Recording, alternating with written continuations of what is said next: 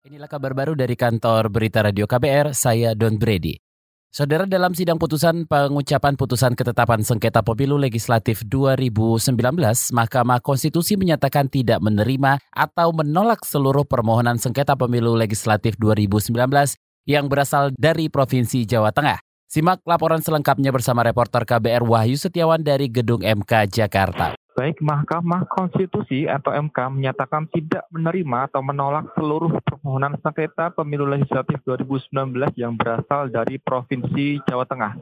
Dari Jawa Tengah ada sembilan permohonan yang diajukan oleh Partai Demokrat, PDIP, PAN, Gerindra, Nasdem, Berkarya, P3 serta dua dari persorangan yakni Agus Setiobudi dan Joko Mustiko. Dalam sidang sesi pertama hari ini, Hakim Ketua MK Anwar Usman menyebutkan sejumlah penilaian yang membuat Mahkamah menolak permohonan-permohonan tersebut. Seperti dari Partai Berkarya, Mahkamah menyatakan permohonan tidak jelas atau kabur. Kemudian dari Partai Gerindra dan PDIP, Mahkamah menilai permohonan tidak beralasan menurut hukum.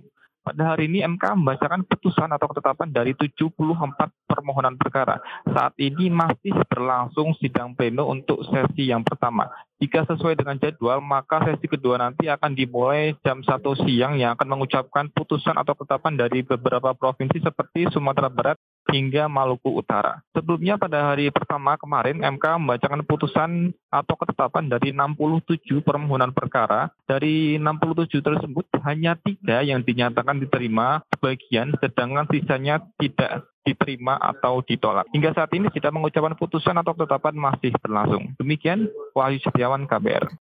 Saudara Presiden Joko Widodo menerima surat kepercayaan dari Duta Besar Luar Biasa dan Berkuasa Penuh LBBP dari 12 negara sahabat di Istana Merdeka Jakarta hari ini. Menteri Luar Negeri Retno Marsudi mengatakan sebelum menerima surat kepercayaan dari 12 duta besar itu, pembicaraan Jokowi dengan para duta besar itu diawali dengan ucapan selamat karena Jokowi kembali terpilih sebagai presiden dalam pemilihan presiden 2019 ke-12 duta besar itu yaitu eh, Duta Besar Turki, Selandia Baru, Kroasia, Malaysia, Kerajaan Britania Raya, dan Irlandia Utara, Sri Lanka, Bulgaria, Kazakhstan, Afghanistan, Mozambik, Kerajaan Eswatini, dan Mali. Dalam audiensi uh, Presiden dengan para duta besar yang baru tadi, rata-rata peternya harapannya adalah di second term ini Presiden dan Indonesia dapat meningkatkan hubungan bilateral dengan uh, masing-masing uh, negara.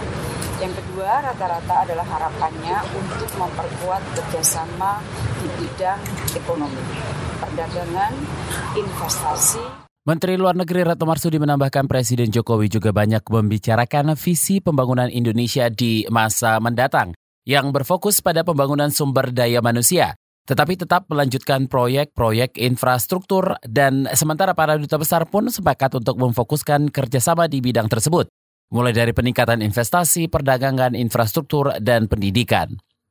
Saat ini Komisi Pemberantasan Korupsi KPK tengah memeriksa tersangka bekas Direktur Utama PT Garuda Indonesia Emir Syah Satar yang tiba di gedung KPK sekitar pukul 10.30 tadi. Simak laporan selengkapnya bersama reporter KBR Mutia Kusuma. Komisi Pemberantasan Korupsi tengah memeriksa tersangka bekas Direktur Utama PT Garuda Indonesia Emir Syah Satar. Ia tiba di Gedung Merah Putih KPK pada pukul setengah 11 waktu Indonesia Barat. Yang bersangkutan akan diperiksa terkait kasus suap pengadaan pesawat dan mesin pesawat dari Airbus SAS dan Rolls-Royce PLC pada PT Garuda Indonesia TBK. Selain Emir Syah, KPK juga memeriksa tersangka lainnya dalam kasus ini, yaitu Beneficial Owner Connaught International Sutikno Sudarjo. Diketahui sebelumnya Sebelumnya, Emir Syah dan Sutikno telah ditetapkan sebagai tersangka pada 16 Januari 2017 lalu. Namun, lembaga anti rasuah belum menahan keduanya karena masih melakukan penyidikan. Terkait perkembangan perkara, Febri mengatakan akan menelusuri